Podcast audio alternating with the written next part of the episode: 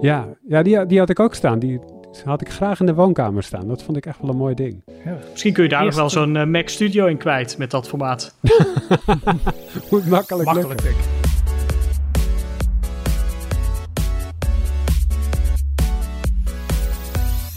Hoi, leuk dat je luistert en welkom bij de Tweakers Podcast, aflevering 208 alweer.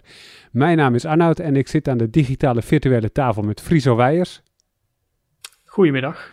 En uh, met uh, een nieuwe stem en een nieuwe naam in de podcast, Donovan Kersenberg. Ja, goedemiddag allemaal. Hi. En mensen die uh, alles kijken en, en alles lezen van wat er op de site verschijnt, die hebben jouw naam al zien staan natuurlijk. Want je hebt al diverse reviews gepubliceerd. S22 Ultra. Uh, en uh, welke was een of andere midrange telefoon begon je mee, toch, Donovan? Welke was het ook alweer? Uh, ja, ik begon met de Realme Neo GT2 5G. een hele mond vol. oh ja, dan heb je de naam opgeschreven, heb je de halve review eigenlijk al compleet. Want dan zit je al in heel wat woorden. Bijna wel, bijna wel inderdaad, ja. Is niet voor niets dat ik over telefoons begin, want dat is precies waar we het over gaan hebben. We zitten in het midden van of aan het einde van, ga ik ook even vragen het, uh, het smartphone seizoen van, uh, van uh, het, het, voorjaar, zeg maar. dus we bespreken de telefoons die, die dit seizoen zijn verschenen. maar we beginnen natuurlijk zoals altijd met de highlights. en Friso, dan begin ik bij jou. Ja, laat ik het dan meteen niet over telefoons gaan hebben. Heel goed. Om uh, toch een klein beetje variatie nog in deze podcast te brengen. Um, ik zag van de week een leuk uh, knutselproject voorbij komen eigenlijk. We hebben natuurlijk, uh, vorige week hebben we het al gehad over de nieuwe Macs. onder andere die Apple had aangekondigd. maar nu zag ik iemand die juist een hele oude Mac had gepakt. Een, een iMac G4 uit 2002. En die had haar een Mac Mini ingestopt. Oeh. De componenten van de Mac Mini. Even... Dat hij helemaal... Ja, even voor de mensen die de G4 niet helemaal uh, helder voor de geest hebben. Wat voor apparaat was dat ook alweer? Ja, dat was eigenlijk uh, dat was de eerste uh, iMac was dat met een plat scherm. Dus je had natuurlijk de eerste, dat, dat hadden ze op basis van een CRT-monitor. En daar hadden ze dan de componenten achter gestopt. En toen kwam dus eigenlijk een model met een plat scherm. Dat konden ze nog niet, het was nog niet zo ver dat ze die componenten ook achter het scherm konden steken. Dus ja, het was eigenlijk een soort bloempot-model, zou je wel kunnen zeggen. Dus zeg, een soort omgekeerde bloempot die op tafel staat en daarbovenop dan een, een arm met daaraan het, het platte scherm.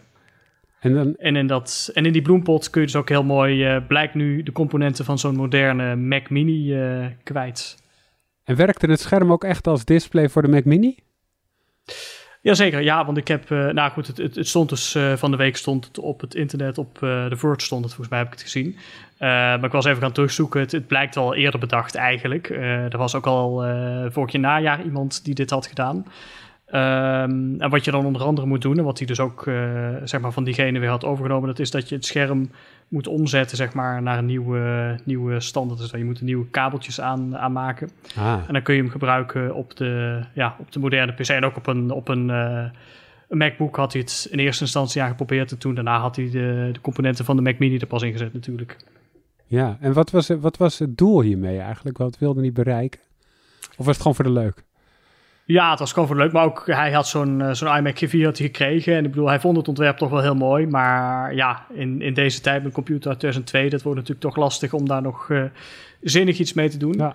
En met zo'n uh, zo'n M1 geef je de ding eigenlijk een tweede leven. Dus dat was wel heel leuk. Ook in het kader van recycling natuurlijk. ja. Is dit iets waar je warm van wordt, Donovan? Zo'n zo'n project? Dat iemand zoiets Zeker. in elkaar knutselt?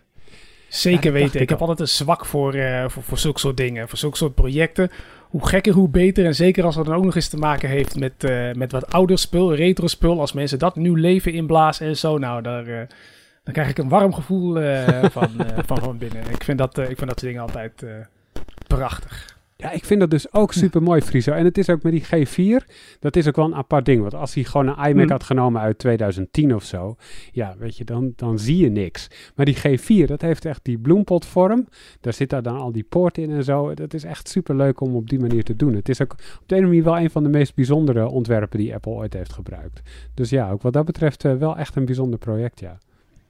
Hij, Ja, hij zeker. doet bij, in, de, in, in de verte doet hij me altijd een klein beetje denken aan die uh, Pixar-lamp, weet je wel. Ja, Die uh, zo in Oh ja, beeld, ja, uh, inderdaad. springen. ja. Ja, ik vind het een mooi ding inderdaad. Sowieso, die, die mensen gaan natuurlijk altijd helemaal uh, prat op, die, uh, op, op het ontwerp van, uh, van die Macs die Apple in elkaar flanst. En ik moet zeggen, die oude Macs, die, die retro Macs, die, uh, die hadden ook wel echt een speciale look en feel altijd hoor. Zoals dus inderdaad die G4. Maar ook die Cube vond ik bijvoorbeeld heel bijzonder destijds. Ja, en ook al die, die, die, die, Mac waarmee het begon in 1998, die heette volgens mij als eerste, heette die Mac. die, die transparante blauwe. Ja. ja, die met die, uh, die bedoelde ik eigenlijk in het begin. Die met de CRT-monitor, waar ze dan ook verschillende kleuren bij hadden. Ja. Dus dat je ze allemaal kon verzamelen. Nou ja, theorie. die gaat nou verschillende computers kopen vanwege de kleur. Maar ja. Ja, ja die, die had ik ook staan. Die, die, had ik graag in de woonkamer staan. Dat vond ik echt wel een mooi ding destijds. Ja. Ja. Misschien kun je daar nog wel zo'n uh, Mac Studio in kwijt met dat formaat. Moet makkelijk, makkelijk denk ik. hey Donovan, wat heb jij meegenomen vandaag? Nou, ik, uh, ja, ik, we, we, hebben het natuurlijk al even over retro spul gehad. En ik ga het dan mhm. ook eventjes niet over telefoons hebben, maar wel over uh, retro spul. Ik uh, speel namelijk op regelmatige basis ook nog wel eens oldschool games, retro games. En vorige week was ik begonnen met een game die ik als kind altijd al wilde hebben, maar nergens kon vinden. En uh, het, is, uh, het is misschien een beetje flauw, een beetje subtitel misschien, maar het is gebaseerd op een tekenfilm. En het is misschien een tekenfilmserie die jullie allemaal wel kennen. Inspector Gadget. Oeh, Zegt ja, dat jullie ja, wel? Ja, ja, ja. Ja, zeker. Ja, dus uh, nou, daarvan zijn aardig wat games uitgebracht op de consoles. Maar er is er dus ook eentje geweest op de PC. En dat was een point-and-click adventure. En ik vond altijd dat Inspector Gadget zich goed leende voor point-and-click adventures. Dus ik, na al die jaren dacht ik, nou, ik kan hem eindelijk spelen. En uh, ik moet zeggen, het uh, heeft de tand destijds niet zo goed doorstaan, helaas. dus uh, nou, het, is, het is leuk. Ja, wat is een ja. point-and-click adventure? Ja, een point-and-click adventure is dus eigenlijk een, een avonturengame waarin je uh, als speler op onderzoek uitgaat. Dus je speelt een bepaald karakter of meerdere karakters. En met je muis kun je dan op bepaalde objecten klikken. En uh, hè, dus daar wijzen en erop klikken en, en daar, daarmee een bepaalde interactie uitvoeren. Dus als je op een deur klikt, dan krijg je meestal verschillende opdrachten te zien waar je uit kunt kiezen. Gebruik de deur, mhm. bekijk de deur, open de deur, praat tegen de deur. En de meeste van die commando's die werken natuurlijk niet. Hè. Als je kiest voor praat tegen de deur, dan krijg je meestal een melding van... ja, hallo, ik ga toch niet tegen de deur praten. Maar uh, met open door of gebruik door maak je de deur meestal open. Ga je naar binnen. En zo kan je dan ook met andere figuren praten in een game. En spullen verzamelen en de boel bij elkaar puzzelen. Dus uh, ja, echt een beetje een ja, detective slash uh, puzzle slash uitzoek game. Klinkt leuk. Ik heb er nu al zin in. Waarom valt die tegen? Uh, ja, nou, de meeste, de meeste point-and-click adventures zijn, uh, hebben, hebben, wat, hebben nogal wat diepgang, weet je wel. Dat je echt dingen uit moet zoeken en echt echt moet puzzelen en echt moet, uh, ja, hè, uh, veel moet praten met, uh, met andere mensen. En daarin kan je eigenlijk heel veel verschillende soorten kanten opgaan. En in Inspector Gadget is het allemaal heel plat en heel vlak. Je, je, hebt een, je hebt een scherm en in dat scherm is er meestal maar één ding dat je aan kan klikken. En daar hmm. moet je dan niets mee doen. En als je dat gedaan hebt, nou, dan ga je weer naar het volgende scherm. En als je niet uitklopt, dan druk je op je magische polshorloge. En dan maak je verbinding met Chief Quimby. Die dan eigenlijk letterlijk zegt wat je moet doen. Dus uh, ja, dat, dat is, uh, ja. Dus dat is, uh, dat is jammer. Zijn. Nee, nee, precies. En, terwijl als in die tijd, toen die game net nieuw was, heb ik als kind wel een stuk complexere point-and-click adventures gespeeld. Dus ik, ik, ik was wel wat gewend. En ik vond het jammer dat ze dat met Inspector Gadget hebben ze eigenlijk heel veel kansen laten liggen. Maar ja, waarschijnlijk hebben ze zich gewoon gericht op de allerkleinste destijds. En als kind lette ik daar natuurlijk helemaal niet op. En daar heb ik gek genoeg nu dus ook niet op gelet, want ik wilde gewoon die game spelen. je bent nu duidelijk helemaal niet de doelgroep meer. Hey, maar je, je, speelt, je speelt dus veel oudere games. Je zegt deze heeft het tand destijds niet goed doorstaan. Zijn er games die wel heel goed het tand destijds doorstaan volgens jou? Oh ja, zeker, zeker. Uh, er zijn er, ik denk dat het overgrote deel zelfs wel de tand destijds oh goed oh doorstaat. Als je bijvoorbeeld uh, alleen nog kijkt naar, en dan noem ik even een paar bekende titels. Usual Suspects, zoals de allereerste Super Mario Bros. en de allereerste Sonic the Hedgehog bijvoorbeeld. Nou, mhm. dat zijn games die, die zien er nog steeds goed uit. Die kunnen goed meeschalen met de HD-schermen van weleer. Oké, de blokken worden wel iets groter, maar het ziet er nog steeds strak uit. In tegenstelling tot de eerste 3D-games waar die polygonen lage polygonen count misschien wel uh, hè, zorgt dat, uh, dat, dat modellen er wat lelijker uitzien. Maar um, nee, uh, dat soort 2D-games die, die werken meestal wel goed. En de, en de gameplay-mechanieken die zijn door de jaren heen eigenlijk ook niet echt veranderd. Hè. Je hebt een spreekknop, je hebt een, Je hebt, je hebt een actieknop, uh, of een knop waarmee je in het geval van Mario dan wat harder kan rennen. En uh, nou ja, dat, dat werkt nu nog steeds. Als je moderne platformen maakt, werkt dat ook nog steeds. Dus op dat gebied hebben die games de tand destijds wel goed doorstaan. Maar als je dan bijvoorbeeld kijkt naar games die dat niet echt zijn, bijvoorbeeld die Agent Art of War at Sea, wat een uh, strategiegame is. Strategiegames speel je tegenwoordig met je muis. En uh, Agent Art of War komt uit een tijd dat muizen nog niet uh, gemeengoed waren. Dus die game heeft geen ondersteuning door de muis, voor de muis. Dus je moet van alles doen met je toetsenbord, snel toetsen, pijltjes. En heel veel mensen zitten daar niet, niet, niet meer op te wachten. Die vinden dat maar ja, complex. Dus, dus zo'n game heeft het dan destijds dan niet zo goed doorstaan. Wil niet zeggen dat het geen leuke game is, want de Agent of War serie is een fantastische serie. Kan ik nog steeds iedereen aanraden, maar wel met iets meer moeite. Ja, en ik heb ook het idee, want je, toen je begon over Inspector Gadget, dacht ik, oh, dat is vast weer zo'n oude game die veel te moeilijk is. Want dat heb ik vaak als ik wat oudere games opstart. Ik denk, jeetje, dit is wel echt heel lastig. Sommige dingen moet ik dan twintig keer over doen. Misschien ben ik ook gewoon een prutser, kan ook. Um, maar ervaar je dat ook zo, dat het soms gewoon heel moeilijk is? Met die uh, ja, zeker.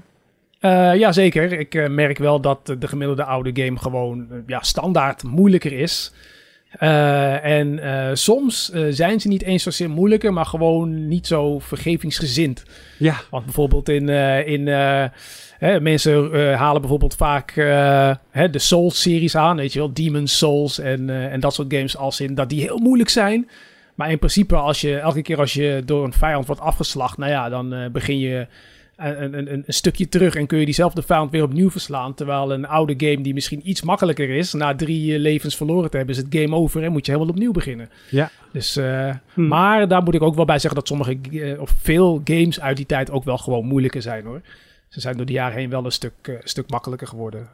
Ik heb gelukkig het geluk omdat ik dat heb meegemaakt, dat ik het meestal nog wel in de vingers heb. Maar Dus, uh, maar ik weet wel dat mensen, dat ik veel bekijk zat toen ik voor het eerst Cuphead ging spelen, zeiden, nou, jij eh, vliegt er vrij snel doorheen. Uh, terwijl ik zoiets had van, nou, het is niet, niet veel anders dan de gemiddelde Contra of Metal Slug die ik vroeger speelde, dus ja. ja, ik weet ook nog wel dat ik mijn zoontje aan de, aan de oude Mario Kart in emulatie, dus de eerste Mario Kart, uit 1992 of zo komt die. En hij is gewend aan de Switch-versie. En daar kan je natuurlijk instellen dat je er niet afvalt en zo. En dan is dat wel redelijk makkelijk. En als je dan die oude speelt, ja, ik kletterde de hele tijd van de baan af en zo. Dus uh, toen merkte ik ook wel van, dat is kennelijk, was dat relatief moeilijk. Ik ervaar dat niet per se ook zo. Maar als je dat niet gewend bent, dan is het inderdaad wel lastig. Ja, nee, inderdaad. Dat, uh, het is inderdaad even wennen, ja. En uh, jullie uh, wilden naar het verleden. Ik wil nog eventjes naar de toekomst. Um, want ik uh, schreef van de week over regels die eraan komen vanuit de, de Europese Unie. Het, het, is nu goedgekeurd door het Europees Parlement. Dat betekent niet dat het er komt, want er wordt nog volop onderhandeld. En uiteindelijk komt daar een set regels uit. En dan wordt dat wat, waarschijnlijk vanaf 2024. En dat gaat over accu's. En, en, en dat gaat niet alleen over smartphones, ook trouwens. Maar het gaat ook over e-bikes en elektrische scooters. En hm. uh, de bedoeling van die regels is uh, dat we accu's beter kunnen hergebruiken en recyclen. En dat lukt nu vaak niet. En dus wordt een van de basisdingen uit die regels wordt dus dat je accu's in die dingen zelf moet kunnen vervangen en dat je die moet kunnen kopen. Dus op het moment dat je accu defect is, als je een, elektrische fiets hebt en na vijf, zes jaar is die accu uh, is die gewoon een beetje versleten, dan moet het mogelijk zijn om een vervangende accu bij de fabrikant te kopen. Want zo stellen die regels tien jaar nadat die voor het laatst in de verkoop is geweest, uh, tot tien jaar moet, je die, moet die onderdelen op voorraad zijn. En dan moet je die voor een redelijke prijs, ook dat staat erbij, uh, kunnen aanschaffen zodat je de accu zelf, en ook dat moet mogelijk zijn, zelf kan verwisselen zonder gespecialiseerde tools. En dat geldt ja, dus... ja? Wat is mogelijk? Kijk, het is in principe nu ook wel mogelijk om een accu te vervangen in, in een iPhone of een, uh, een Samsung-toestel. De vraag is alleen hoe moeilijk is het? En uh, nou ja, Donovan, ik weet dat jij wel eens wat uh, toestellen uit elkaar haalt zelf. Sterker nog, recent nog. Je had een klein defect op je eigen telefoon. Ja, Oh, Oh, hij is nog steeds hij is Hij nog is- niet hij helemaal is- in elkaar. Hij is nog steeds open.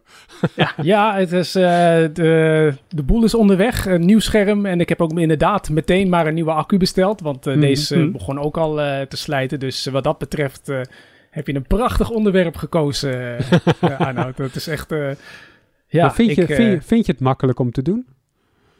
Ehm, nou ja, ja en nee. Het is, eh, het, is, het is voor mij niet moeilijk om te doen. Maar eh, het is wel een stuk lastiger dan, eh, nou, dan, dan vijf of tien jaar geleden. Want dat is, bedoel, dat is wel echt een wereld van verschil. Ik heb, ik heb bijvoorbeeld ook voor dit toestel... Heb je houdt hem nu eh, omhoog, flink- maar eh, het, is, Oh, ja. het is een podcast. Wat is het? Oh ja, tuurlijk. Ja, het is eh, de Moto Z Play. Ah ja. Dus ja, dus dat is, een, dat is al een wat ouder toestel. En in principe deed hij het prima. En de accu, met de accu kon ik op zich nog wel het einde van de dag halen. Maar het scherm was kapot gegaan van de een op de andere dag. En aangezien je dus tegenwoordig blijkbaar eerst je telefoon half uit elkaar moet halen. In dit geval dus het scherm uit je telefoon moet, eh, moet vissen. Voordat je überhaupt bij de accu kan. Die ook nog eens vastzit in het toestel zelf. Mhm. Eh, dacht ik van ja, als die nou dan toch open ligt, laat ik dan ook maar meteen een nieuwe accu bestellen en die eh, erin stoppen. Maar dat kon je dus nog wel vinden. Dat was nog wel goed verkrijgbaar. Oh ja, die dingen zijn nog wel goed verkrijgbaar, alleen eh, niet in Nederland. Dus je moet wel echt uitwijken naar, meestal naar China. Maar in dit geval kon ik, was er iemand in de UK die, die nog wat van die dingen op voorraad had. En het Ja. was ook wel een originele accu of was het een eh, niet helemaal originele accu? Nou, ik heb opzettelijk gezocht naar een originele voor de zekerheid. Want Hm. als ik inderdaad op zoek ging naar niet-originele, dan was het nog wat makkelijker en, en nog goedkoper. Hm. Maar eh, ja, ik, eh, ik, ik eh, denk, ik neem het zeker voor het onzekere en ik ga voor een officiële genuine eh, Motorola accu. De vraag is natuurlijk, is het echt genuine of hebben de Chinezen er gewoon een eh, genuine stickertje opgeplakt? Oh ja, dat Daar moeten we ook, nog ja. maar achter komen. Precies. Bij de Hugh Jeffrey Zo. zat eens een keer een video volgens mij van eh, Ja. genuine accu's die niet eh, heel eh, genuine zijn. ja. Ja. nader inzien. Precies. Maar dat wordt dus ook een verplichting onder de nieuwe regels. Dat de fabrikanten zelf, ja, voor mij inderdaad helemaal zelf, ik moet, de exacte bewoording nog doorlezen, eh, die accu's moeten gaan verkopen aan eindgebruikers. Dus niet aan repareershops, ook, maar ook aan ons. Dus dat zou het ook wel een stuk makkelijker maken om een, om een, eh, om een echte accu rechtstreeks van de fabrikant te pakken te krijgen. Want dat is nu best wel een probleem. Ik, ik zat er ook wel mee te worstelen. Ik had een eh, iPhone 7 waarvan ik de accu wilde, wilde vernieuwen. Ja, probeer het maar eens te vinden, want Apple verkoopt het mij niet. Ehm, dus je bent haast wel aangewezen op, eh, op accu's van derden. Vind ik toch een beetje spannend om in mijn telefoon te stoppen en vervolgens in mijn broekzak mee rond te lopen. Want ja, als het, eh, als het, eh, als het van mindere kwaliteit is en het, en het doet boom, dan zit het wel in mijn broekzak. Dat, dat, dat vind, ik, dat vind ik toch wel een ding. Dus ja, dat ja. is... eh, ja, ik heb wel gezocht een betrouwbare partij waarvan ik dacht van oké, die hebben in elk geval wel goede accu's. Ook als, als het niet origineel kan, dan moet het maar op die manier. Maar ik ben dus wel blij met dat soort regels dat die, dat die eraan komen. Maar ja, dit, het, is, het, is, het is denk ik hoog nodig om, om, om, om dat te doen. Want ik merk nu wel dat het, bedoel, dit soort dingen wringt gewoon. En ik vind het jammer dat het zo moet. Dat je via Nou, derde partijen of in het buitenland moet halen en dat soort dingen. Dus eh, Mhm. ik ben Nou ja. blij dat het, eh, dat het eraan komt. Maar zo ja, te horen... heb jij nog gelukt. Ja, inderdaad. Want, eh, want het is een iPhone 7, dus dan kan je het tenminste nog zelf. Ja. Met een moderne toestel word je nog eens gestraft door Apple ook als je daar zelf een andere accu in steekt. Ja, dan zegt hij, dit is geen originele accu, dus eh, we, schakelen diverse functies uit. Bij de accu valt het nog mee hoor. Ehm, bij sommige andere dingen, dan verlies je functies van scherm en zo. En nu verlies je dan denk ik alleen de statistieken over hoe ver de accu is gesleten. Dus dat valt nog relatief mee, want ja, je vervangt hem toch na een aantal jaar, zeker als je al bezig bent geweest. Maar eh, nou ja, het, het, het zou mooi zijn en zo kunnen telefoons nog, eh, nog langer meegaan, denk ik. Ehm, maar tot zover over oude telefoons. Eh, laten we overgaan naar, eh, naar nieuwe telefoons. Want eh, dat, is, dat is waarom we hier zitten. Hey Friso, het, het seizoen is echt weer helemaal, helemaal in volle gang, heb ik het idee. Er komen allemaal nieuwe telefoons binnen in het testlab. De aankondigingen en de NDA's die vliegen ons om de oren. Ja, smartphone spitsuur zeggen we daarover. Ja, hè? Dus, inderdaad. ja, Ja, dat was een vondst van jou. Dat vond ik een mooie taalvondst. Maar hoe, hoe ziet dat seizoen eruit? Hoe, hoe, hoe, als je een jaar hebt? Nou, dan loopt van januari tot december, dat weet ik wel. Maar hoe ziet dat in smartphones eruit? Hoe, uh, waar zitten de pieken en dalen? Uh, nou ja, je ziet eerst dus rond december, denk ik ongeveer, uh, dat uh, sokfabrikanten als Qualcomm en MediaTek die presenteren hun high-end socks voor, voor Android-toestellen, zeg maar de, de, nieuwe generatie. Mm -hmm. de Snapdragon 8 Gen 1 is dat nu dit jaar bijvoorbeeld. De MediaTek 9000 hebben zij bij MediaTek. Nou, die komen vervolgens weer terecht in toestellen van Chinese fabrikanten die hun modellen moeten aankondigen eigenlijk voor het Chinese nieuwjaar. Want dat is in China wel het moment waarop mensen, waarvoor mensen nieuwe toestellen kopen. En dan hier in het westen zie je eigenlijk dat, nou ja, dus in deze tijd, hè, rondom de MWC eigenlijk, die altijd eind februari is, dat de high-end modellen massaal arriveren. En dan is Samsung is vaak iets eerder, dus de S22, nou, die zagen we al in februari. En nou, nu komen ook langzamerhand de, de Oppo's en de OnePlus'en en alle andere merken komen die ook met hun toestellen. Um, nou, de maanden daarna eigenlijk, dus het voorjaar, dan bouwen fabrikanten een beetje hun midrange uit. Mm -hmm. De Galaxy A-serie, uh, om een, een, voorbeeld te noemen, dus van Samsung dan. Um, en dan is eigenlijk in september weer, is dan een beetje een tweede moment waarop, waarop high-end of mid, ja, mid, mid tot high-end toestellen worden aangekondigd. Met natuurlijk als belangrijkste fabrikant Apple. Die heeft al sinds de eerste iPhone, is dat eigenlijk altijd in september, een kleine Uitzondering uh, vorig jaar vanwege de corona. Maar goed, anders altijd in september. Uh, en voor Apple is dan juist het voorjaar dus weer het moment voor een beetje die, ja, zeg maar die aanvullende introducties. Dus we zagen bijvoorbeeld ja. nu recent de nieuwe kleur voor de iPhone 13-serie, de iPhone SE. Dus zo een beetje. En daartussendoor zien we eigenlijk alleen de goedkope telefoons. En, en dan heb je dus twee keer in het jaar heb je zo'n moment waarop het echt, uh, echt druk is met, uh, met duurdere telefoons. Ja, jazeker. Ja, en uh, kijk, er zijn ook fabrikanten, dit is natuurlijk geen, geen, geen vastgegeven. Ik bedoel, uh, Chinese fabrikanten die brengen volgens mij om de, om de maand nieuwe toestellen uit. denk, denk ik haast, ja. We gingen vorig jaar voor, volgens mij van de Renault 4 naar de Renault 7. Dus uh, ja. dat, dat, dat moet betekenen dat er ook vaker toestellen zijn uitgekomen. Maar goed, dit is wel een beetje de, de grote lijn, ja. Oké, okay, en Donovan, het is, het is natuurlijk nog een beetje een raar seizoen met nou ja, corona in veel landen. Wij zitten nu deze keer ook weer online bijvoorbeeld, in plaats van in onze studio. Um, hoe, hoe gaan die introducties nu? Want er was een fysieke Mobile World Congress, een NWC, Friso zei het al even, in Barcelona. Maar ik had niet het idee dat daar veel gebeurde. Hoe, hoe zien die introducties er nu uit? Nou ja, tegenwoordig uh, allemaal online. En soms zijn dat uh, fancy filmpjes die ze gewoon afspelen en, en, en daar blijft het bij. Maar soms zijn het ook gewoon echt soort van semi-interactieve video's waarin je ook direct vragen kan stellen aan iemand die de telefoon voor de camera laat zien en dat afwisselt met, met wat presentatiesheets.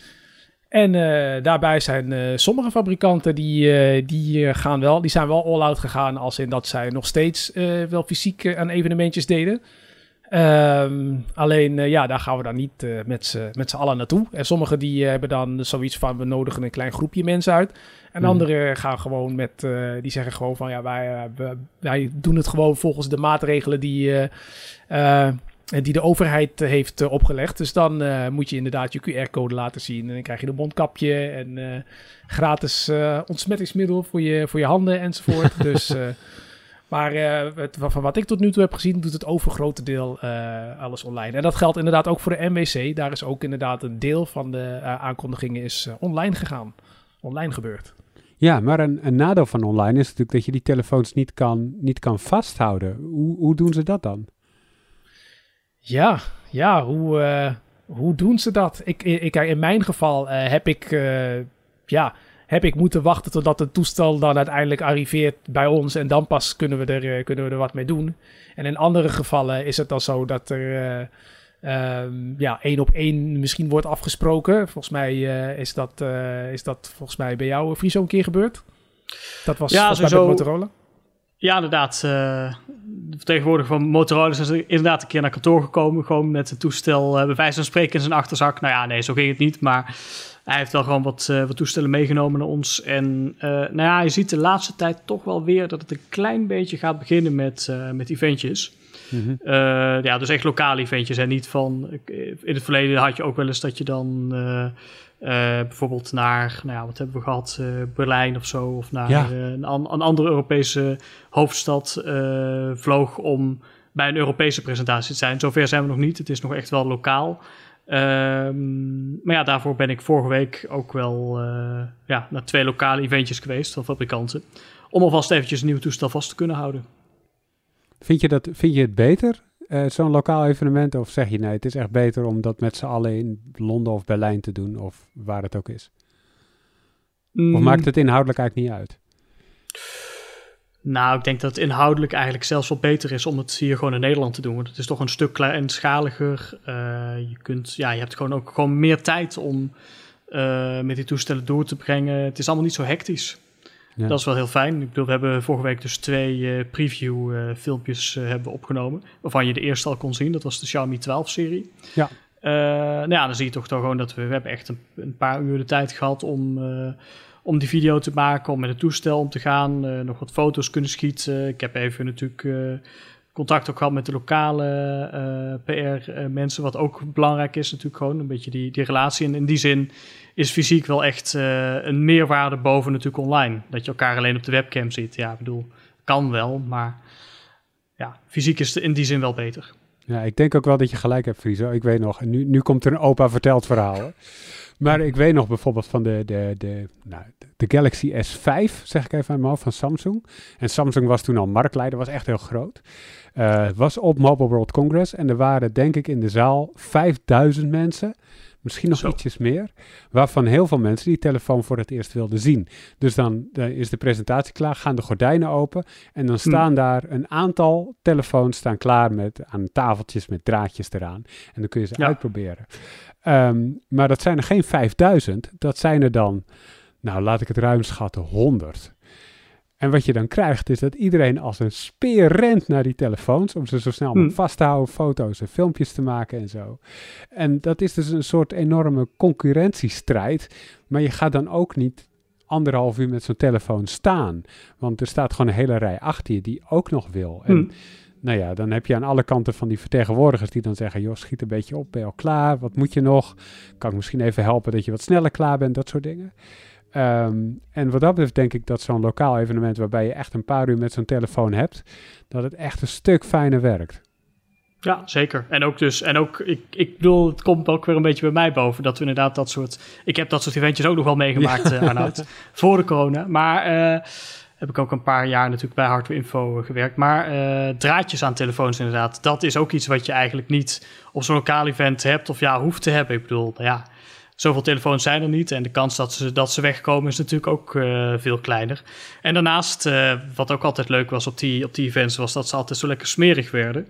Ja, En dat de belichting ook, of de, de verlichting van de ruimte ook altijd zo lekker slecht was. Dus ja. het was ook wel leuk eh, om daar, om in die omstandigheden dan ook wat, wat mooie foto's te kunnen schieten. Dat valt Ja, ook niet mee. altijd met doekjes op zak erheen om Ja. te zorgen dat je het een beetje kan poetsen en dan nog. Hm.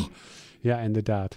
hey, maar ik, ik noemde net al Mobile World Congress. Daar, daar, daar gaan we dus, eh, daar zijn we niet heen gegaan dit jaar, Friso. Waarom Nee. eigenlijk niet?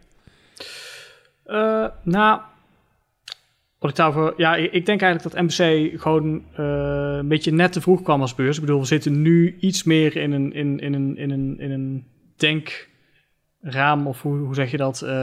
Dat we denken dat de corona weer min of meer over is. Of in ieder geval dat de maatregelen zijn, zijn afgeschaft, in Nederland dan. Mhm. Eh, maar ja, in januari was het natuurlijk nog echt een ander verhaal. Toen liepen de besmettingen eerder op dan dat ze, dat ze daalden. En dat hebben de fabrikanten natuurlijk ook gezien. Die hebben hun aanwezigheid op NWC nou ja, nog eens heroverwogen of eh, zijn geheel niet gekomen of die hebben hem sterk teruggebracht. Eh, dus dat heeft er eigenlijk toe geleid dat veel fabrikanten dus ook gewoon niet waren en anderen dus maar beperkt. En ook dus zelf eventjes organiseerden, zelf toestellen gingen opsturen naar ons. Bijvoorbeeld die eh, Find X5 Pro, daar komen we zo nog wel over te spreken. Ja, die kregen we al, ik meen eh, de week voor NWC dat we die voor het eerst eh, op kantoor kregen. Mhm. Eh, dus ja, op, op dat moment heeft het natuurlijk ook voor ons niet zo heel veel zin meer om naar zo'n beurs te gaan om allemaal previews te gaan maken. Want ja, dan. Bedoel, je hebt het toestel al, de, de, de review die, komt die komt er al bijna aan. Ehm, dus ja, jammer. Ik had wel weer een stappas willen eten. Maar goed, dat eh, misschien Ja. volgend jaar dan. Dan ga je meer En, voor de eh, mooie is, beelden. eh, En een mooi. Ja, dat is wel het, eh, het, het ding inderdaad van dat soort evenementen. Je mist natuurlijk wel eh, een groot stuk aan gezelligheid en, eh, Hmm. en, en, en, en het hele netwerkgebeuren wat er omheen zit. Dus aan de ene kant vind ik het, vind ik het wel fijn, zeg maar, voor het toestel en het maken van foto's en het testen. Is het, is het natuurlijk fijner als het gewoon zo'n klein lokaal iets is. Maar de gezelligheid en, en, en, en, en, en de feesten en de, het, de, de netwerkmomenten die zo'n, die zo'n beurs heeft, dat heeft ook wel wat hoor. Dat, eh, dat mis ik Hmm. wel echt heel erg. Ja, al moet ik zeggen dat ik niet heel veel feesten heb meegemaakt, want meestal was ik echt aan het werk.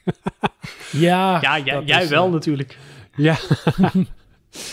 ja. Ja. Hey, eh, ehm, en laten we nog maar even die telefoons doornemen die, eh, die eh, dit seizoen zijn verschenen. Even kijken of we een soort van leiding kunnen vinden welke, welke, welke dingen er veranderd zijn. Eh, laten we beginnen bij de, bij de marktleider Samsung. Die had drie telefoons. De S22 Ultra, Donovan, dat was misschien wel de opvallendste. Dat was een een heel ander ding dan de S21 Ultra van vorig jaar. Ja, dat klopt ja. Het is, eh, je zou bijna kunnen zeggen, als je dat toestel voor het eerst ziet en vastpakt, dat het geen S22 Ultra is, maar de Note 22. Mhm. Want dat ding lijkt precies op, eh, op, eh, ja, op, de, op de gemiddelde Samsung Galaxy Note smartphone. En eh, het was natuurlijk het doel van Samsung om eh, de Samsung Galaxy eh, S-serie samen te voegen met de Note-serie. En daar is dan dus de, de Ultra-serie uitgekomen. Maar ik heb meer het idee dat ze zoiets hadden van... nou, we pakken gewoon de Note en we noemen het de Ultra... en daarmee is de kous af. en, Ja. en dat is, niet, en dat is geen, geen kritiek hoor, want ik vind het een, ik vind het een hele mooie move. Dus, dus ja, eigenlijk is het dus gewoon een, een, Galaxy Note... inclusief het, eh, het pennetje en alle eh, Galaxy Note functionaliteit die erbij zit. Dus eh, ja, wat dat betreft... ja, het beste van beide werelden. Want dat ding heeft ook wel echt een hele goede camera, eh, eh, camera setup. Dus dat werkt, ja, dat werkt goed. Ik vind het een goede keus van ze. Maar wat je ook terecht in je, in je review zei, is dat het nu niet meer lijkt op de, op de S22 qua design. Eh, waarbij dat bij de S21 Ultra en de S21 natuurlijk wel zo was. Daar zag je gewoon dat het dezelfde telefoons, maar dan een andere uitvoering eh, was. Denk je dat het, dat het consumenten, dat het mensen die in de winkel komen en een telefoon kopen, dat die dat uitmaakt? Dat zo'n Ultra er heel anders uitziet? Nee, ik, eh, ik denk het niet. Ik, als ik gewoon een beetje. misschien is mijn bubbel niet helemaal representatief. Maar ik merk dat er.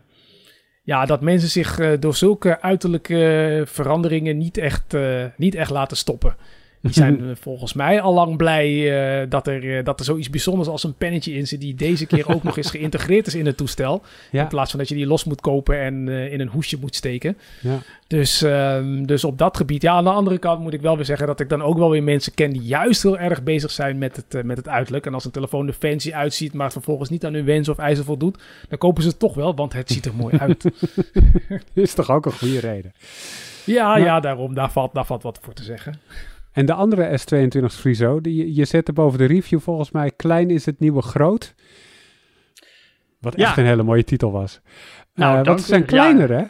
Kleiner, ja, inderdaad. Dat, dat is misschien wel een trend voor dit jaar. Als we dan toch eh, bezig zijn met wat, eh, ja, wat, wat, wat grotere trends. die je ook bij andere toestellen ziet. Ja, inderdaad, kleiner dan vorig jaar. Beide kleiner, iets kleiner, maar, maar toch. zeker die S22. Het is daardoor echt. Eh, nou, misschien wel ons favoriete eh, high-end toestel eh, van het jaar had ik eronder gezet. Eh, kleine Mhm. toestel bedoel ik, kleine high-end toestel. Ehm, want ja, je ziet toch dat hij qua feature set iets uitgebreider is dan bijvoorbeeld de, de Asus Zenfone 8. Dat is een toestel dan van, van vorig jaar dat echt specifiek gericht was op klein. Dus in die zin past het wel in die trend. En nou ja, ze zien er ook nog steeds heel fancy uit hoor. De S22 is ook. Het is niet dat je dan. eh, het is wel opvallend dus dat het design zo anders is als de, als de S21, als de S22 Ultra nu. Ja. Eh, dus dat ze daarin wel echt die, die differentiatie kiezen. En iets wat me ook opviel trouwens. En wat misschien ook wel een trend is. Tenminste, je ziet het ook langzamerhand steeds meer opduiken. Eh, dat zijn die, die rechte randen aan de zijkant. Een beetje zoals de iPhone. Ja. Heeft, nog, heeft nog eigenlijk verrassend lang geduurd voordat Android-fabrikanten dat een beetje zijn gaan kopiëren. Ik bedoel, toen met die, met die notch, eh, met eh, de iPhone 10, daar zijn ze toch sneller mee geweest volgens mij. Maar dat eh, weet jij misschien beter dan ik, Arnoud. Ja, voor mij duurde dat een maand of... Ja, de Essential Phone die was er al. Hm. Die had al een, een, een kleine notch. Voor mij een maand of acht later, toen zat het echt op, op vrijwel elke telefoon. Dus toen was het in het najaar de iPhone 10 en in het voorjaar erop uh, kwamen de eerste Android-telefoons met notch, zeg maar. Had, had bijna iedereen er een. Hm. Dus dat ging wel hard. Um, en wat, wat zijn nou, want je zegt kleiner, ehm, maar de accu's zijn ook kleiner. Is dat iets waar je veel van merkt? Nou ja, je merkt wel dat de S22 Plus korter meegaat dan de S21 Plus. Dus dat is ja, toch wel wat teleurstellend natuurlijk. Kijk, voor de S22, uh, dat was wel opvallend dat je bij de S22 dus zag in onze accutest tenminste dat die langer meegaat dan de S21 alsnog, ondanks de iets kleinere accu. Ehm, dus dat is op zich, ja, daarbij zou ik ook zeggen, het is een kleiner toestel. En kleiner betekent ook logischerwijs dat de accu kleiner is. Dus dat, je, dat je gewoon rekening mee uh, moet houden met een kleinere, met een kortere, kortere accuduur. En dat is ja, in die zin ook wel een keuze die, uh, die je bewust maakt. Ik bedoel, ik heb zelf een iPhone 12 mini. Nou ja, ik bedoel, ik wil liever een kleiner toestel dan een, dan een langere accuduur. Maar ik merk natuurlijk wel uh, dat ik af en toe weer eens eventjes het kabeltje erin moet drukken. En ik ben heel blij dat mijn tas uh, is voorzien van een geïntegreerde powerbank. Om dat ook af en toe onderweg te kunnen doen. Om even aan te geven hoe, hoe, hoe, hoe, lang die accuduur uh, over het algemeen, uh, hoe lang die het volhoudt gedurende de dag. Niet de hele dag. Maar waarom, waarom maakt Samsung dan zo'n keuze? Want kennelijk vonden ze hun eigen telefoons te groot, maar de accuduur kon wel iets korter. Moet ik het zo zien? Ja, dat is een goede vraag eigenlijk. Um, kan ook te maken hebben met het formaat van de schermen dat ze dit jaar uh, erin hebben gestopt. Ja, als je natuurlijk een kleiner scherm hebt en het is ook een scherm met een andere verhouding. Het is uh, eigenlijk uh, voor de S22 tenminste is het dezelfde verhouding en formaat als dat in de iPhone 13. Dus ik weet mhm. niet waarom, waarom ze die keuze hebben gemaakt. maar ja, het is natuurlijk logisch dat als je een kleinere, kleinere behuizing hebt, dat er een kleinere accu in kan. Tenminste, uh, nou ja, bij de Xiaomi 12, maar daar zullen we zo ook nog over uh, komen te spreken. Daar heeft Xiaomi het wel voor elkaar gekregen om daar een vrij grote accu in te plaatsen en kleinere toestellen. Maar uh, ja, van Samsung begrijp ik het ergens wel dat ze misschien niet het uiterste willen opzoeken wat, wat accu betreft. Op, op het gevaar af om oude koeien uit de sloot te halen. Ja, ja, die Galaxy Note 7 van inmiddels 5,5 jaar geleden, dat ziet inderdaad niet al te best af. Ja, nee. nee. Maar uh, ben jij een, een, kleine telefoonman, Donovan? Vind je dat fijn als hij een beetje kleiner is? Of heb je liever een langere accuduur en dan maar een grotere telefoon? Nou, ik ben, uh, ik ben eigenlijk ook van de kleinere telefoons. Ja, ik vind dat ook wel, uh, wel fijn. En ik heb dat heel lang vol kunnen houden. maar nu, ja, ik, kon er, ik kon er deze keer niet, niet onderuit. Ik weet nog dat toen, de Samsung, toen de eerste Samsung Galaxy Note uitkwam was dat ding uh, volgens mij 5,2 inch groot. En iedereen had zoiets van: wow, wat een gigantisch toestel, wat een bakbeest. En nu, uh, uh, als ik op zoek ga naar kleine toestellen en ik kom artikelen tegen waarin ze zeggen: we hebben de kleinste toestellen die we konden vinden op een rijtje gezet, dan, is de, dan zijn die tussen de 5 en 5,5 inch. qua grootte. Dus dat dus kun je nagaan hoe hard dat, hoe hard dat gegaan is. Ja, ja, maar ik, ik, ik, ik heb deze vaker gehoord en ik heb mijn verweer al klaar. De eerste Galaxy Note, die was heel breed. Dus uh, dat scherm was geloof ik 15 bij 9 of zo, 4 bij 3. Um, en, en dat scherm was dus meer dan, de hele behuizing was 8,5 centimeter breed. En nu zit je met ja. zo'n, met zo'n, zelfs bij grote telefoons op 7,5 centimeter. Dus dat scheelt wel een stukje. Dus het is wel Klopt, echt ja, ja. de breedte die het hem dan doet, zeg maar. Dat, dat zorgt ervoor dat hij al breed voelt. Hey, maar dat je noemt... is waar. En ook uh, de bezels natuurlijk, hè? de kleinere zeker. bezels van, uh, van het scherm. Ja. Zorgen ervoor dat het toestel ook uh, kleiner is en het scherm toch groter kan zijn. Ja, precies. En soms kromt het dan ook nog over de randen heen. En dan kunnen ze nog een paar extra, uh, een paar tienden van de inch bijsmokkelen bij het scherm zonder dat, je, dat het breder wordt. Ja. Iets, eh, een fabrikant die dat ook heeft gedaan, uh, uh, Friso, is Xiaomi. Je noemde het al, de Xiaomi 12. Ja. die dacht, Samsung doet het een klein beetje kleiner. Wij doen het gewoon veel kleiner, toch? Ja, inderdaad, als je kijkt naar die Mi 11i eh, en de, de Mi 11. Uh, eh, ja, is ook een beetje verwarrend dat ze dus... De voorgangers heten dus de Xiaomi Mi 11i en Mi 11. En deze heten gewoon de Xiaomi 12. Dus ja. Uh, nou, wel weer wat strakker ook qua naamgeving in ieder geval. Maar wel verwarrend dat dat, dat, dat zo is overgegaan. Ehm, maar die zijn inderdaad een stukje kleiner geworden ten opzichte, een heel stukje kleiner, want die waren volgens mij 6,8 inch, als ik het niet Ja, eh, zoiets, ja. niet vergis. 6,7, Ja. 6,8, zoiets. Ja, ja, ja, en dan hebben ze dus bij de Xiaomi 12's, eh, tenminste de 12X en de 12, want ze hebben drie toestellen, dat is Samsung. 12X en 12, die hebben een 6,28 inch eh, scherm. Dus 6,3 inch afgerond, maar goed met afgeronde randjes. Zodat in de breedte toch eigenlijk eh, nauwelijks breder of zelfs een stukje smaller volgens mij is dan die S22. Mhm. Eh, en dan heeft Xiaomi ook nog een eh, 12 Pro. En die is eigenlijk eh, gewoon zo groot als een Pixel 6 Pro, S22 Ultra. Een beetje dat formaat. Ja, dus dat is echt wel een, een, een stuk kleiner. Dus je zou haast vermoeden dat zij daar een markt in zien. Zo van, als je het hebt over een Pro-Ultra model, dan mag het best zo groot zijn als je kan. En Hmm. dan stoppen we alles erin wat we kunnen vinden. Maar die, die nou ja, iets minder dure modellen, ik bedoel, je hebt het nog steeds over 800, 900 euro vaak. Maar die Hmm. iets, daar, daar mag het wel wat kleiner. Dat is, dat is, is dat echt wel een, een, een dingetje? Nou, als je de specsheet zo ziet, eh, dan kun je niet anders dan zeggen ja. Want eh, als je namelijk naar die breedte kijkt, je had het net al over 8,5 centimeter bij de Note eh, 1.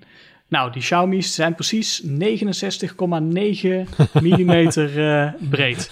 Dus ze wilden echt onder die, onder die 7 centimeter, onder die 70 millimeter wilden ze blijven. En dat is ook gelukt. Hebben ze platte zijkanten gedaan om te zorgen dat er net een paar eh, tienden van een millimeter Nou ja? Afgeronde hoeken van het scherm dus. Ja, ja. ja, dat scheelt dan toch een klein stukje. Hm. Ja, en ook in hand. Ik bedoel, het zijn echt eh, lekker kleine toestellen hoor. Dus eh, dat, eh, dat is zeker heel fijn. En Xiaomi, ja, ik zei het net ook al, die heeft het dus wel klaargekregen om daar een accu in te stoppen van 45, 4500 milliampère. Mhm. Dus dat is, nou, voor toestellen van dat formaat is dat meer dan we eerder hebben gezien. Samsung die is 3700 volgens mij. En de Ja. Zenfone 8 die ik net ook al noemde, dat is 4000. Dus dat is echt nog wel een, een, een, een, een stukje meer dan eh, dat je eerder in dat soort toestellen hebt gezien. En daarnaast ook bij Xiaomi en andere Chinese fabrikanten heel fijn is dat ze snel kunnen opladen. Ja. Is dat ook, eh, dat, ik heb het idee dat ik steeds vaker in nieuwsberichten en reviews zie langskomen dat het kan laden met 120 watt of zulke belachelijk hoge vermogens. Hm. Is, zit dat op al die telefoons nu? Eh, nou ja, op die van Xiaomi eh 67 bij de kleinere en 120 inderdaad bij de, de Pro. Eh, je ziet het ook bij veel andere inderdaad. Eh, ja, de Oppo Find X5 Pro zullen ze ook nog wel eh, tegenkomen. OnePlus heeft eh, volgens mij 80 watt op zijn nieuwe eh, 10 Pro. Eh, dus ja, voor zover ze van Chinese fabrikanten afkomen, wel. Voor zover ze van, van Apple, Samsung en eh, Google afkomen, nee. Ik bedoel, ja, Samsung heeft, is dan heel trots van... Goh, we hebben 45 watt laden toegevoegd aan onze S22 Ultra. Geweldig. Nou ja, dat is heel leuk, maar het is nog steeds een stuk En minder... zelfs dat halen ze, Nee, inderdaad. Nee. en zelfs Zel- dat halen ze niet eens. Zelfs dat halen ze niet eens. En het is sowieso ook gewoon een stuk trager dan eh, wat, wat OnePlus en, en anderen zelfs al in theorie beloven. Laat staan dus in de praktijk. Ja, inderdaad. Waar, waar, waar komt dat verschil vandaan dan? Ook weer een goede vraag. Ik denk dat eh, Chinese fabrikanten daar gewoon ook al heel lang... eh, bijvoorbeeld als je kijkt naar, dus, eh, naar Oppo... of zeg maar de, de, BBK groep... die heeft daar gewoon ook op ingezet op snel laden. Daar waren ze... Nou, ik ben daar een paar jaar geleden een keer naartoe geweest. Toen waren ze er echt ook al verschrikkelijk trots op... dat ze dat hadden ontwikkeld. Dat was... ja, die, ik bedoel, die maken niet zelf schermen of, of, of cameramodules... zoals Samsung en Sony... Dus ze moeten toch van andere dingen hebben. En ja, laadsnelheid, dat is dan de niche waar zij in zijn gedoken. En eh, nou ja, met succes, zou je wel kunnen zeggen. Ja, je kan het makkelijk eh, op de doos zetten natuurlijk ook. Mensen begrijpen het misschien ook wel makkelijk. Hm. Denk je ook dat het mensen veel uitmaakt? Hoe snel hij precies laat? Ik eh, denk het wel. Ik, ik denk dat dat wel echt iets is wat ik ook gewoon mis op mijn huidige toestel. eh, dat dat eh, toch wel altijd eventjes... Ja, het is niet verschrikkelijk natuurlijk, want de accu is klein. Maar het duurt toch altijd weer eventjes een, een poos voordat hij is opgeladen. En als je dan, eh, nou ja, wat je dus ziet op die nieuwe generatie toestellen... dat ze gewoon binnen het halve uur op Ja. 95, 96 procent staan. Of daar nog overheen, dat ze gewoon helemaal vol zitten. Ik denk dat dat echt eh, heel fijn is. En ook deels hè, voor die kleinere toestellen dan weer een, een, een compensatie kan vormen. Eh, voor het feit dat de accu gewoon ja, sowieso niet zo heel groot is. Kijk, als je hem binnen vijf minuten of tien minuten weer voor een groot deel hebt opgeladen. Ja, Ja. Dat, dat, dat verandert toch de manier waarop je met je smartphone omgaat, denk ik. Ja, ik denk dat je dan s'nachts niet meer hoeft te laden. Maar eh, Hm. ik ben benieuwd of veel mensen dat ook doen. Want voor mij is het zo'n gewoonte bij heel veel mensen. Gewoon op het nachtkastje ligt een laden, je prikt hem in. En 's ochtends haal je hem er weer vanaf. Ehm hey Donovan, en de Oppo Find X5 Pro, die, eh, die is er natuurlijk ook. Eh, er is een hele Find X5-serie trouwens. Ik heb het idee dat ik alleen alles van de Pro hoor. Ehm, nou ja, we horen inderdaad vooral veel over de Pro en die, is, die komt er inderdaad ook aan. Maar ze hebben aangegeven dat er, eh, dat er dus ook nog twee andere versies komen. De gewone Find X5 en Mhm. er komt ook nog een Find X5 Lite uit. Maar Ook die, daar, komt, daar gaan ze later over uitweiden. Maar eh, op dit moment hebben wij hier alleen de Find X5 Pro. Dus die, eh, die ben ik inderdaad eh, as we speak aan het testen, aan het reviewen. Dus eh, ja, het is En wel dat- echt... ze, Ja? ze, ze zijn wel echt een soort van all-out gegaan met, met dit toestel, heb ik het idee. en dat, dat zie je ook wel terug in de prijs, want goedkoop is hij niet. Nee, ja, dat Maar, heb je met al die Pro-Ultra modellen. Het zit allemaal al dik boven de 1000 euro volgens mij. Dit is 12, 1200, 1300? Eh, eh, iets minder dan 1300 geloof ik. 12, eh, wat was het? Was het 1249 of 1299? Volgens mij was het 12,99, Dolvin. Ja, oh. Dat zou kunnen, 1299. Ja, dus eh, flink, flink aan de prijs. En wat Ja. me ook opviel, want je, jij was er al even mee bezig en toen, toen heb je hem ook bij mij in handen gedouwd. En eh, je zei ook, hij, hij is van keramiek aan de achterkant in plaats van gewoon glas. Je voelt het Ja. ook wel. Eh, wat, wat is jouw indruk daarvan? Wat is eindelijk een soort van nieuw materiaal aan de achterkant van een telefoon? Ja, ik heb het al een- in mijn leven al een één of twee keer eerder eh, gezien. Eh, keramisch, keramische achterkant, keramische behuizing. Dit is wel de eerste keer dat ik hem zo glad voelde. Want daardoor dacht ik soms wel van... oh ja, ik moet uitkijken, uitkijken dat hij niet makkelijk uit mijn handen glipt. Maar dat valt dus wel mee. Want ze hebben iets gedaan met die camera bump, die camera, dat camera-eiland. Ehm, waardoor die op een of andere manier toch op zo'n manier in je handen ligt dat hij, niet, eh, dat hij er niet uitgaat. En het, heeft, het, het, het, geeft het toch een soort van fancy, eh, luxueus gevoel. En eh, ze doen natuurlijk heel erg, zijn heel erg trots op dat het materiaal sluitvast is en zeer moeilijk te krassen is en zo. Nou heb ik heel voorzichtig daar eh, al eventjes mee, eh, mee geëxperimenteerd. En eh, gelukkig, gelukkig ging dat goed. Geen krasje te bekennen. Dus Ja. wat dat betreft, ja, ik, ik hoop dat, dat, dat ze dat inderdaad daarmee kunnen voortzetten. Want het is wel daardoor een fijn materiaal. Ja, en over experimenten gesproken. Vorig jaar hadden ze een soort microscoopcamera erop gezet. Die is er nu niet. Hebben ze nu Nee. weer een of ander gekkigheidje erop gezet? Nou, niet zozeer een gekkigheidje, maar eh, ze hebben wel wat, eh wat groter ingezet op eh, de ultra-wide camera. Wat je meestal ziet bij smartphonefabrikanten is dat de, de hoofdcamera natuurlijk de grootste en mooiste sensor heeft.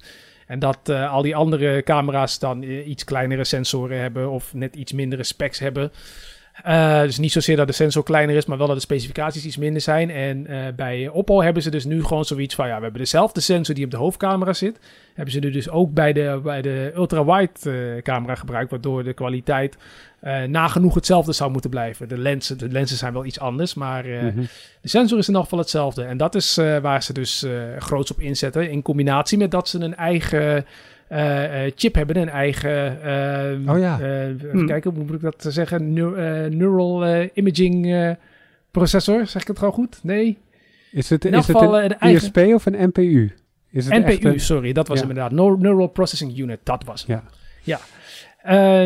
Ja, waarmee ze dus eh, zelf hun, eh, ja, hun foto's bewerken, of eh, verwerken eigenlijk softwarematig. En daardoor ja, wat, wat trucjes kunnen uithalen die de, die de rest niet kan uithalen. Hè. Het verwerken van foto's gaat sneller. S'nachts een fotootje schieten gaat, gaat sneller in vergelijking met de concurrentie. Tenminste van wat ik tot nu toe heb ervaren. Mhm. En ehm, ja, ook met het, eh, met het filmen zou het, eh, het verwerken van eh, 4K videomateriaal eh, beter en vloeiender moeten zijn. Met, met een betere lichtinval. Of in elk geval, er kan meer licht verwerkt worden. Waardoor de video's helderder zijn. Of zouden moeten zijn. Oké, heel benieuwd Dus hoe dat, er, ja, daar hoe zit dat ze eruit ziet. Sorry? Heel benieuwd hoe dat eruit ziet en of je dat inderdaad Ja. ook terugvindt in de praktijk. Ja, mwah. Ja. Hmm. Ja, in elk geval, Hmm. met, met de foto's wel, met de video's eh, ben ik daar nog niet helemaal over uit. En over de ultragroothoek eh camera gesproken, Friso. De OnePlus 10 Pro, die eh, zet er ook wel op in, of niet? Eh, ja, dat klopt, want die heeft een eh, 150 graden ultragrote camera. Ja, ja zeker. Wauw. Normaal is het iets van 110, 120. Dus je, je kan meer op de foto zetten, neem ik aan. Heb je daar wat aan? Eh, heb je daar wat aan? Nou ja, het is vooral leuk voor het effect, eh, denk ik. Dat je een beetje zo'n zo'n zo'n fisheye effect in de foto kunt toevoegen. Dus eh, ja, heb je daar wat aan? Nou ja, het is, het is weer een nieuw, een nieuw, een nieuw trucje. Beetje zoals de microscoopcamera vorig jaar. Dat je een nieuw Ja. soort foto's mee kunt maken. Ik weet nog niet of ik het zelf persoonlijk echt dagelijks zou gebruiken. Of dat het een beetje zoiets is als met die microscoopcamera vorig jaar. Dat je het dan op de dag dat je het ding hebt een paar keer gebruikt. En daarna eigenlijk nooit meer. Maar Ja, het is wel leuk. En, en wat, we, wat me ook, want die OnePlus 10 Pro die is natuurlijk al even uit in China. En er zijn ook al wat testen geweest. En als ik eh, de video van Jerry Rick Everything moet geloven, dan is het stiekem ook nog een foldable. Ja, Eh, dat is eh eerst je kan hem doormidden OnePlus. Heel geweldig, maar niet heus. Nee, dat, dat, dat, Nee. dat, dat, eh, is inderdaad niet heel erg hoopgevend, die eh, stevigheid. Ja, ze hebben, dat vind ik wel grappig aan het ding ook. eh, want die OnePlus 10 Pro die ziet er natuurlijk heel anders uit dan die OnePlus 9 Pro. De 10 Pro die is eh, wat meer mat. De 9 Pro was glanzend. Er zit dat enorme camera-eiland op. Ja, wat ook de reden is dat het ding zo flexibel is eigenlijk. Dat, dat frame is net onder de camera bump zit, dat, zit, dat, zit het knopje. En nou, op dat punt is het frame gewoon heel dun. Frame is sowieso heel dun. Dus dan krijg je gewoon een- een, een zwak punt in die behuizing. Eh, maar wat ik dus grappig vind, hij ziet er heel anders uit dan, dan zijn voorganger. Maar eigenlijk als je kijkt naar de componenten die erin zitten, dat is eigenlijk helemaal niet zo verschillend. Die camerasensoren zijn helemaal niet zo verschillend. Ja goed, er Mhm. zit een Snapdragon eh, 8 Gen 1 in natuurlijk, in plaats van 888 vooruit. Maar ook het scherm bijvoorbeeld. Heel veel, heel veel componenten zijn gewoon heel hetzelfde, maar het design is gewoon helemaal anders. Dus zo kun je natuurlijk ook vernieuwen, zou je kunnen zeggen. Het is, het is een OnePlus 9T Pro in plaats van een OnePlus 10 Pro eigenlijk. Ja, nou ja, als je inderdaad naar de componenten kijkt, dan denk ik het wel. Als je kijkt Ja. naar design, is misschien een ander verhaal. En software, dat is natuurlijk ook nog iets, hè, is, ook een, eh, is ook een verhaal. Eh, kijk, die nieuwe eh, OnePlus, net als Oppo overigens, die Find X5 Pro, daar staat nu ook een Hasselblad logo op. Eh, Maar volgens mij OnePlus spreekt nu ook weer van de tweede generatie Hasselblad camera. Dus in die zin kunnen er natuurlijk altijd wel eh, verbeteringen worden gemaakt. Ook met dezelfde componenten. We zagen het Google Ja. jarenlang doen. Met dezelfde kleine sensor. Zeker. Toch steeds weer een, een, een betere eh, fotokwaliteit eruit slepen. Ja, sterker nog, ik heb Wout in deze podcast ook wel geregeld horen zeggen dat hij het juist fijn vindt als fabrikanten meerdere generaties dezelfde camera gebruiken, zodat ze echt alles eruit kunnen halen. Ja, daar Hm. valt inderdaad ook heel veel voor te zeggen. Maar als we, als we nu een beetje dit, eh, dit, eh, dit veld overzien, eh, welke, welke rode draden zie je dan, Friso? Wat, wat valt erop? Nou, ja, ik zei het een beetje bij de OnePlus al. Weinig vernieuwing. Of in ieder geval misschien nog wel wat minder dan wat we de vorig jaar hebben gezien. Natuurlijk, zit overal weer de nieuwste processor in. Eh, er, zit, eh, ja, er is weer een nieuw design. eh, wat soms wat platter is, of soms wat matter, of soms wat ja, anders in dit geval. Zodat je de nieuwe in ieder geval van het oude toestel kunt herkennen. Eh, maar ja, eigenlijk, ik bedoel, je had vorig jaar al een artikel van eh, de low-end staat een beetje stil, maar de high-end staat eigenlijk ook een beetje stil. Voel je dat ook zo, Donovan? Ja, daar ben ik het zeker mee eens. En ook als je kijkt naar eh, ja, de onderdelen die eigenlijk, eh, zonder dat men bijvoorbeeld hè, begint aan een nieuwe camera of, eh, of wat dan ook, dat bepaalde onderdelen die eigenlijk altijd gestaag groeiden, dat die ja, dit jaar eigenlijk niet gegroeid zijn. Je zou nu verwachten in deze tijd dat de gemiddelde high-end smartphone misschien wel 16 gig RAM zou, zou hebben. Maar we zitten nog steeds op 12. om maar een, een voorbeeld te noemen. En dat is helemaal niet erg, dat is zat. Maar ik, eh, dat is wel iets dat eigenlijk altijd groeide tot, eh, tot, eh, tot nu. Dus dat, Ja. is, eh, dat is wel een ding. Ik moet wel zeggen dat we wat, eh, wat ik wel een hele positieve eh, groei vind. Is dat fabrikanten steeds langer eh, softwareondersteuning leveren aan Ja. hun, aan Oh hun ja. toestellen. Zeker. Dat is iets dat ik wel echt eh, ja, eh, toejuich. Want uh, ja, het blijft natuurlijk altijd een beetje zuur als je een, een, een, telefoon van 1000 plus euro koopt. En na twee jaar uh, zegt de fabrikant: Ja, jammer joh, we ondersteunen hem niet meer. ja, dus, uh, dus dat vind ik een hele goede. Daar ben ik heel blij mee. En wat ik nu ook merk is dat ehm, de SD-kaartlezer nu toch echt het veld ja. heeft moeten ruimen in, in het high-end segment. Ik bedoel, dat, dat zat er al een beetje aan te komen. Maar nu uh, lijken ze het echt allemaal uh, niet, meer, uh, niet meer te hebben. En daarvan moet ik wel zeggen dat ik dat wel echt heel jammer vind.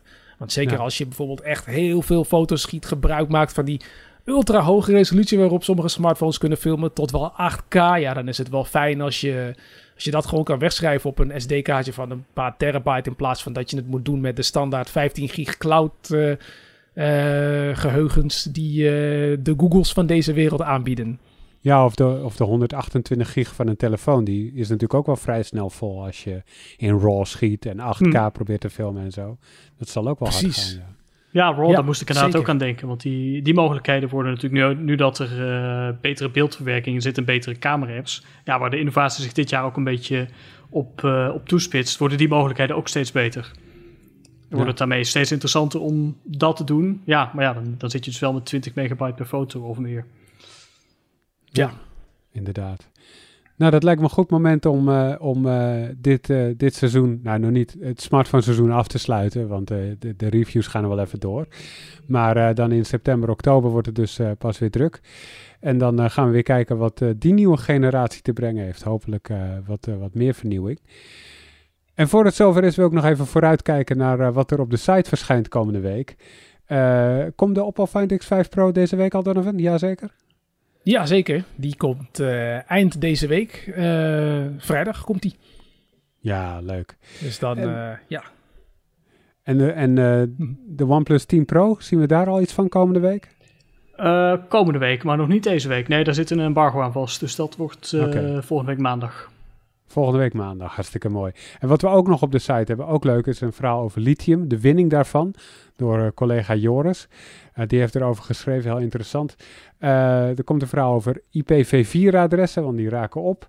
En wat gebeurt er dan? En nou ja, hoe, hoe, dat allemaal verder gaat. Zaterdag komt dat verhaal. En hartstikke leuk, zondag hebben we weer een Terug in de Tijd, onze rubriek met nieuws van uh, 10 en 20 jaar geleden. Als je net als ons toch best wel geïnteresseerd bent in retro dingen, dan is retro nieuws ook echt heel leuk. Uh, dat kun je dus zondag weer lezen. Dus uh, het wordt een drukke en, en leuke week op de site. Dank jullie wel al voor, voor jullie aanwezigheid vandaag. Ja, graag gedaan. En jij dankjewel voor het luisteren. Feedback kan je achterlaten in de reacties op de Punt Geek of via podcast.tweakers.net. En tot volgende week.